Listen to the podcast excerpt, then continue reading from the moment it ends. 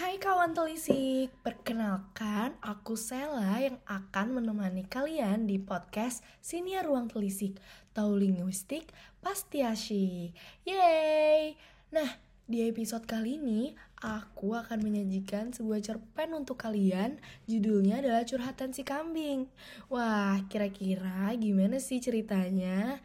Tapi daripada penasaran, yuk langsung aja kita dengarkan Sore itu, Mozi sedang duduk santai di depan rumah pemiliknya. Perutnya sudah kenyang, tentu saja karena sang pemilik tidak pernah telat memberinya makan. Beberapa kucing liar yang ada di sekitar rumah pemilik Mozi mendekat, tapi Mozi tidak suka. Kucing-kucing itu kotor. Mozi akhirnya berlari ke teras karena ia tidak suka dekat dengan kucing-kucing liar itu. Muzi naik dan duduk di kursi teras. Dipandanginya dua kucing liar yang juga tengah memandangnya. Lalu, tiba-tiba saat kucing-kucing itu hendak berlari ke arahnya, mereka justru kabur. Beberapa saat kemudian, muncullah seekor kambing berwarna putih, sama seperti warna bulu mozi. Namun, bulu mozi tentu saja lebih putih, bersih, dan juga wangi.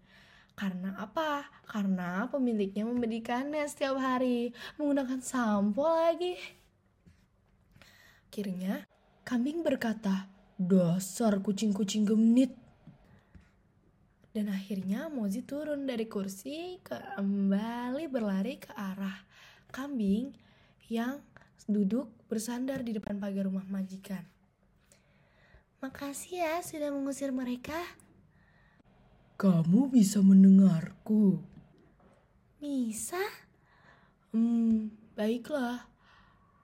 Aku sepertinya tidak pernah melihatmu di daerah sini. Memang benar, aku baru beberapa hari ini ada di lingkungan ini.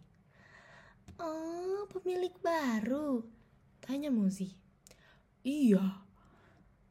Kamu sendirian? Iya. Namamu siapa? Nama? Aku tidak punya nama.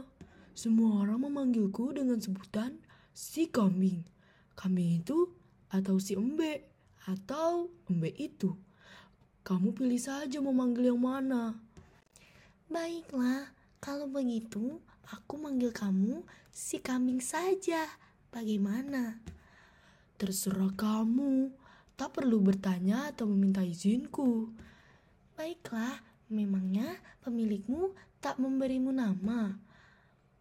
Tidak ada yang memberi nama untuk hewan yang hendak disembelih kan? Toh sebentar lagi aku juga tidak ada di sini. Benar juga sih. Memangnya namamu siapa? Mozi, jawab Mozi dengan sangat bangga. Nama itu dipilihkan Ana untukku. Ana itu pemilikku.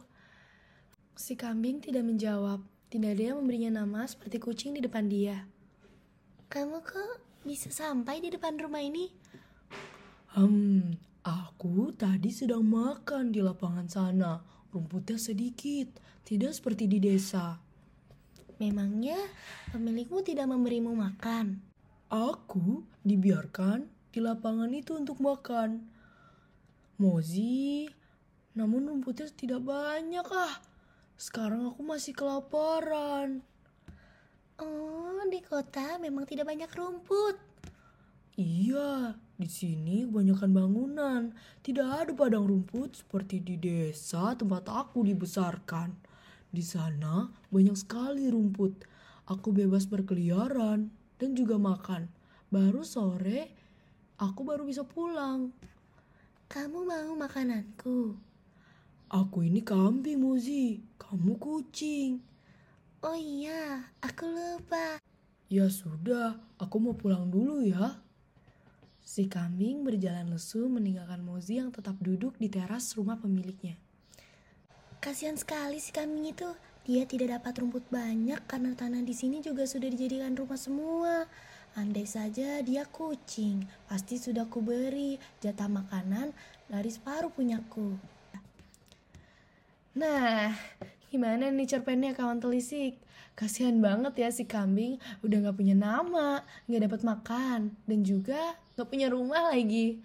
Huh, ya mau dapat makanan dari mana kalau gak ada tanah lapang dan rumput kan?